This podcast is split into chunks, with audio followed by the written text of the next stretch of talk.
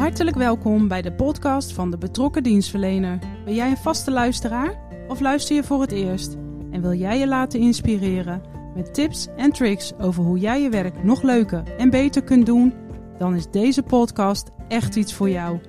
Ik ben Annemarie de Rotte en in deze podcastserie behandelen Anne Boomsluiter en ik theorie en praktijk over onderwerpen die belangrijk zijn voor een betrokken dienstverlening aan Rotterdammers. Vandaag een onderwerp in relatie tot de zorgtaak die wij als gemeente vervullen. Participatie en stedelijke zorg. Een andere kant van het begrip participatie, zoals ik dat inzet in mijn werk. Want dit is participatie in de zin van de participatiewet. En Annemarie, hoe zou jij de kern van deze wet omschrijven? Ja, nou er zit uh, van alles in die wet. Goede en uh, ik zeg ook eerlijk wat minder goede dingen. Maar het uitgangspunt van de participatiewet is dat iedereen naar vermogen deelneemt aan de samenleving. En zoveel mogelijk in het eigen onderhoud voorziet. En dat deelnemen, ja, dat noemen we ook participatie. Uh, en het voornaamste doel is om zoveel mogelijk mensen te helpen om hun eigen leven goed op orde te hebben, om niet afhankelijk te zijn bijvoorbeeld van een bijstandsuitkering, maar ze ook te helpen om aan het werk te gaan. En dat werk kan gaan over onbetaald werk, parttime of fulltime, maar het kan ook gaan over vrijwilligerswerk. Alles wat maar iets uh, betekent in de samenleving, zodat mensen meedoen en in hun onderhoud kunnen voorzien en zelfstandig kunnen worden of blijven. Nou, interessant en volgens mij ook heel erg belangrijk. Want als je op welke manier dan ook meedraait in de maatschappij, komt dat echt wel op veel vlakken ten goede. Hè? Natuurlijk inkomen, maar ook gezondheid en sociale contacten. En misschien heeft iemand eens een keer een wasmachine die uh, die, die over heeft. En um, ja, ik kan me voorstellen dat het uh, meedoen heel belangrijk is voor iedereen. Ja, en nou uh, weet ik dat ze bij een afdeling bij maatschappelijke ontwikkeling Miranda Sonders werkt. Zij is teamleider participatie bij de afdeling participatie in stedelijke zorg. En uh, die is daar met een bevlogen manier mee aan de slag. Met een bepaalde doelgroep die in de participatiewet uh, geholpen wordt. We bellen haar in.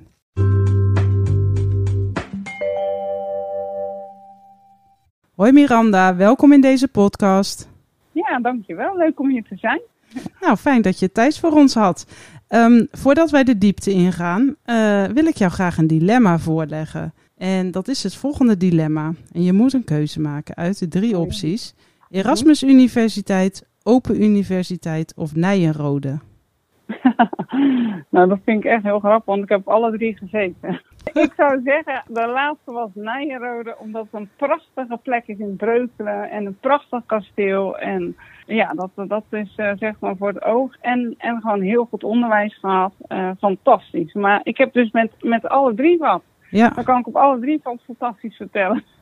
Ja, want jij hebt uh, volgens mij, als wij goed op LinkedIn hebben gekeken aan de Erasmus Universiteit, heb jij bedrijfskunde gedaan?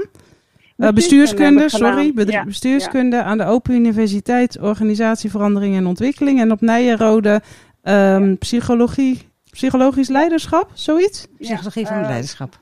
Ja, precies. Dat, uh, dat heb ik uh, inderdaad het laatste afgerond. En dat zou ik ook heel veel leiding geven. Iedereen die leiding geeft, die zou dat uh, één keer in zoveel jaar even moeten doen. Dat geeft je nieuwe inzichten op het leiderschap en inspiratie en heel goed zelfreflectie. Dus uh, ik zeg uh, doen. Nou, mooie tip. En uh, volgens mij heb jij je cv ook heel divers opgebouwd. Dus ik denk ja. dat we dat ook wel gaan merken in als je over je team vertelt. En nou, wat je ja. allemaal leuk vindt en, en goed in bent.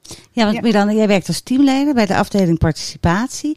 En kan je onze luisteraars vertellen wat jullie zo al doen? Ja, zeker. Dat kan ik zeker vertellen. Misschien is het goed als ik even de context zeg. Want wij zijn team participatie. En wij voeren de participatiewet uit. Dat doen wij binnen stedelijke zorg. En dat is vanwege onze doelgroep. Daar ga ik zo ook meer over vertellen. En stedelijke zorg, daar zitten nog meer teams. En dat zijn bijvoorbeeld de teams uh, detentie en reintegratie, team bijzondere taken. Die doen bijvoorbeeld vangnet en advies. En, uh, en de wet op de lijkbezorg bijvoorbeeld. Toegang en indicatie, die doen de tweede lijns ondersteuningsarrangementen herindicatie en beschermd wonen. Dus die kijken naar de aflopende AWBZ-indicaties, dat soort zaken. We hebben team statushouders, uh, die uh, onder andere het huisvesten van statushouders doen en, en een stad. En uh, wij worden aangestuurd door Windwet Schop. Dus dat eventjes in de context. En we vallen natuurlijk onder cluster PGW, Z en J tegenwoordig. Omdat jongeren ook jongeren centraal onthaal, die, doen, die hebben we ook nu. Het is ook wel echt een hele diverse uh, klus in de organisatie. En het specialisme van jullie team? Participatie? Dat is dus, participatiewet voeren wij dus uit voor deze bijzondere doelgroep inderdaad. En dat veelal zijn dat mensen die heel veel zorg nodig hebben in verband met verslaving, maar ook psychiatrische problematiek. nou, daarvoor zien wij hen in van inkomensondersteuning en bijzondere bijstand. En uh, ja, via de WMO worden ze dan begeleid naar een zorginstelling om te zorgen dat, laat ik het zo zeggen, de basis op orde komt. En ja, richten dus echt op een kwetsbare doelgroep, dak- en thuislozen. Ja, zodat iedereen weer een beetje een plekje in de maatschappij weet te verwerven. Dat is zeer belangrijk, want deze mensen komen echt van ver. En uh, uh, regelmatig sta ik ook bij de balie of loop ik wel eens mee met een spreekuur. Vind ik goed om even te kijken van, uh, van hoe, doen we het, hoe, welke mensen hebben te maken, wat kunnen we daar dan voor betekenen. En dan vind ik het altijd hartverwarmend uh, hoe de klantmanagers uh, zeg maar omgaan met onze doelgroep. En ja, dan heb je wel eens van, nou als, mij, als ik aan de andere kant zou staan, dan zou ik ook zo geholpen willen worden. Met zoveel aandacht, uh, ja, liefde, empathie, hoe je het wil noemen. Ja, dat is fijn. En dat zie ik ook dan als ik in de spreekkamer zit van wat het met een ander doet. Want uh, let op, uh, veel mensen die, ja, mensen die kiezen niet voor om in zo'n positie te zitten. En soms is het ook moeilijk om hun verhaal te vertellen. En laatst zat ik bij een, een klantmanager in, in het spreekuur. En um, ja, die gaf ook aan van, nou, ik weet heel veel van, uh, van je verleden, dus je hoeft het niet allemaal opnieuw uh, te vertellen. Nou, dan zag je ook een verlichting, echt een zucht ja. even van, oh, weet je, dat hoef ik allemaal niet kwijt. En, en vandaar gingen we gewoon verder, van wat heb je nodig, waar wil je naartoe? Hè? En, nou, die mevrouw had ook heel veel meegemaakt in, in haar leven, en, uh, maar wilde heel graag van, van de drank af. En uh, wilde ook zeg maar weer dat dat uh, um, samen kon zijn met haar kind. Dus uh, die intrinsieke motivatie ja. die zat er ook echt. En ja, dat is gewoon mooi om te zien. Maar vooral hoe de, de klantmanager daarin handelen. Want ja, mooi. Ik hoor heel veel aandacht. Ik ja, hoor je eigenlijk mooi. ook zeggen de, de menselijke maat. En dat er gewoon wordt ja. gekeken van denken, nou, die mevrouw die heeft het vast al duizend keer gezegd. Zal ik het hier, dat je kan inschatten, iemand wil zijn verhaal kwijt. Of iemand is wel misschien een beetje klaar met zijn eigen verhaal en wil vooruit. Nou, mooi. Dankjewel. Ja. Goed voorbeeld. Ook. Ja, wat ja. ik ook mooi vind aan hoe wij... Want jij zit inderdaad met jouw team uh, in de organisatie bij, uh, bij MO. En ja. Je, nou, je werkt met een specifieke doelgroep. Nou, daar hebben we het net al over gehad. Terwijl de participatiewet en de uitvoering van de bijzondere bijstand zit bijvoorbeeld bij mij bij inkomen. Dus soms kiezen we ervoor om de grote groep van Rotterdammers op een bepaalde manier van dienst te zijn. Dat is dan bijvoorbeeld in dit geval bij mij bij directie inkomen. Maar als we dan een specifieke doelgroep zien die net even andere aandacht nodig heeft, dan doen we eigenlijk doelgroepgericht diezelfde dienstverlening op een plek waar collega's zitten die dat weer goed kunnen. Want uh, is uh, los van zeg maar de gesprekken die misschien anders zijn en de problemen die misschien anders zijn, uh, is de werkwijze hoe jij nou ja, deze mensen helpt met, met, uh, met jouw collega's anders dan bijvoorbeeld bij mij bij inkomen? Dus de werkwijze om mensen aan inkomen te helpen of... Ja.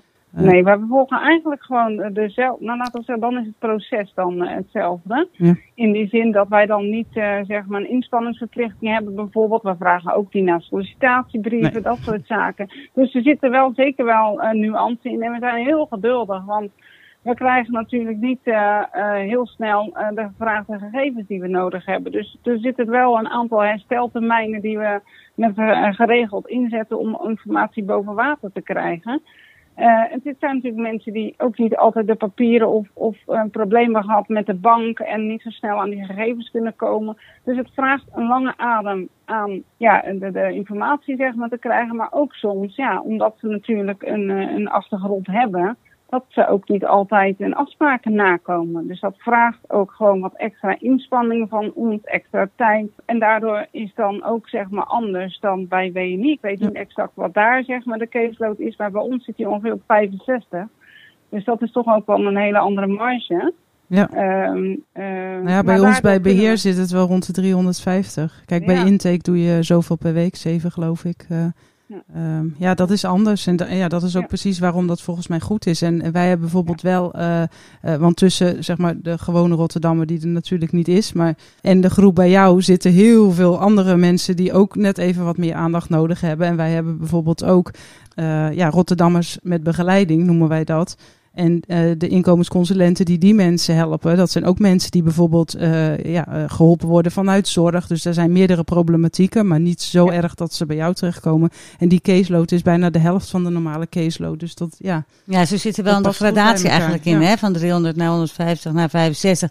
En moet ik zeggen, ik heb mijn eerste baan bij de gemeente Rotterdam uh, uh, was bij SOZW heette dat toen nog. Op ja. de Soos. Op de Soos. Toen ben ik ook begonnen. Op de Gooiland Single. En um, ik weet wel dat er, wij hadden toen nog veel intensief badencontact. 65, dat was dan al toen de tijd een kleine caseload, maar niet heel klein. Hè? Bij wijze van spreken. En dan had ik dus zeg maar alle klanten. Dus ik vind het nog best een flinke opgave. Maar um, daar staat tegenover dat wat bij, bij jou ook opviel uh, tijdens de voorbereiding van het interview, maar ook zojuist hoorde ik je zeggen.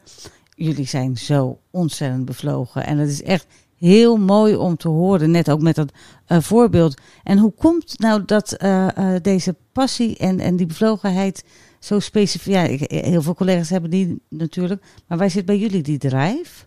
Ja, ik denk dat dat kan ook niet anders. Als jij voor deze doelgroep kiest, dan moet je wel een passie hebben. Want het vraagt zoveel van je. Als je dat niet in de aanbieding hebt, dan, dan gaat het hem ook gewoon niet worden. En dan doe je ook de, de, de burgers tekort in deze. Dus je moet echt wel gedreven zijn, echt willen uh, ja, mensen een stap verder te brengen in hun leven. En dat lukt ook niet altijd. Dus dan, dan moet je ook zeg maar ook tegen kunnen. Je moet stevig in je schoenen kunnen staan.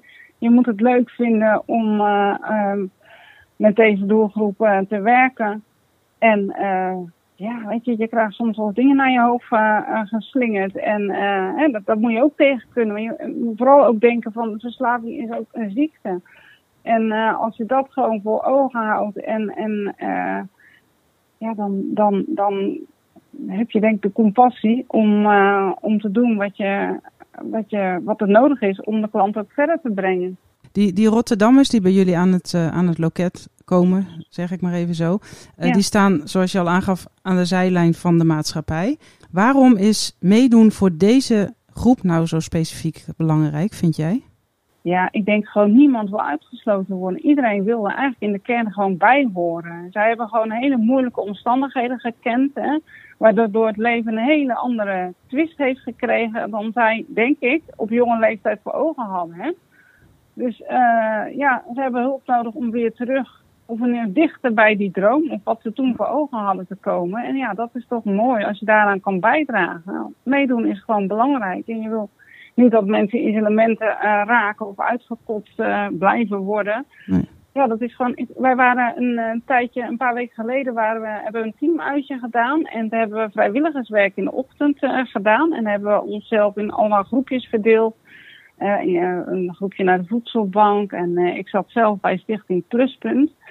En uh, dat is ook een organisatie die al, al een tijdje bestaat. En die werkt samen met tien zorginstellingen. Dus eigenlijk, wij bieden begeleiding en ondersteuning aan. en dat is eigenlijk waar wij onze um, ja, klanten zeg maar, naartoe sturen, naar de begeleiding. Hè? Dat kan maar Antus of nou, noem maar een zorginstelling. Maar het mooie was, wij hebben daar dus ochtends vrijwilligerswerk uh, gedaan. En dan kom je toch in gesprek met mensen. En er was een man die zat te vertellen hoe die, uh, hoe die eigenlijk in het probleem is gekomen. Dus hij uh, had een, een, een horecabedrijf. Nou ja, dat, ging, dat ging niet goed. een beetje crisis. En nou ja, aan, de, aan de drank gegaan. En nou echt zo dat hij een aantal keer in het ziekenhuis terecht is gekomen. En op een gegeven moment is het hem wel gelukt om die, om die draai te maken. En nu daar zo zeg maar, uh, uh, nou ja, blij was dat hij daar kon zijn. En dat hij was aan het schilderen. Hij had ook nog nooit geschilderd, maar prachtige werken maakte hij. Dat was heel bijzonder. En hij was heel erg dankbaar dat hij eh, toch die, die, die turn had kunnen maken in zijn leven. En deze begeleiding had gekregen. En daar in ieder geval dagbesteding was. En, en had ook wel weer echt wat plannen zeg maar, voor de toekomst. Maar ja, het is ook heel knap, hè? Ik bedoel, ja. um, zeker uh, uh, ondernemer, eigen zaak, was ja. misschien helemaal ja. de man. En dan een lage woonraam. En dan toch ook hè, die turn maken. Ook al is het onder begeleiding, maar wel. En daar ook dan de tevredenheid in terug weten te vinden. Ja. En, en de drive om nog verder te gaan. Ik zei, nou, ik ben zo trots op je. En ik vond je zo leuk. En hij zegt, ik vind het zo leuk dat de gemeente hier langskomt om ook samen dit met ons te doen. Dat was helemaal fantastisch. Ja, maar hij wilde heel graag zijn verhaal kwijt. Ja, maar dat is ook goed. Ja, ook dat, dat jullie, terwijl je met deze doelgroep werkt, toch ook nog de moeite neemt om uh, een teamuitje op zo'n manier in te richten. Ik denk dat, uh, dat we dat best vaker kunnen doen. Daarom kom ik 21 juli ook ja, bij jullie langs om, uh, om te zien wat je allemaal uh, doet. Om, om zo ook uh, ja, de doelgroep, de mensen voor wie we doen, goed op je netvlies te hebben. En nou werk jij met je team voor deze doelgroep. Is er nou ook iets wat wij als ambtenaren ja, kunnen doen die niet bij jou in het team werken en toch ja, ook dienstverlening bieden om deze mensen te helpen om een plekje in de samenleving weer terug te krijgen? Ja, dat vind ik best, moest ik over nadenken, want het is best wel een lastige vraag in die zin, omdat wij natuurlijk heel specialistisch eigenlijk ook bezig zijn. Hè? Dus op het moment dat, uh, uh, ja, het zijn men, ja, dan zou je eigenlijk in de preventie al uh, moeten zitten, ja, voordat mensen zeg maar dakloos raken. En dan zitten ze natuurlijk in, in andere settings, hè? dan kan meer bij het wijkteam bijvoorbeeld, of ja, dat ja dus dat we alert zijn, om, zodat we op tijd andere collega's in kunnen zetten om te voorkomen. Maar ik kan mij ook wel voorstellen dat uh, als jouw medewerkers deze mensen willen helpen, dat ze wel eens iets van een ander cluster nodig hebben. En gaat dat altijd vanzelf? Ja, op zich hebben we eigenlijk hele goede contacten zeg maar, met, uh, uh, met WNI, moet ik zeggen.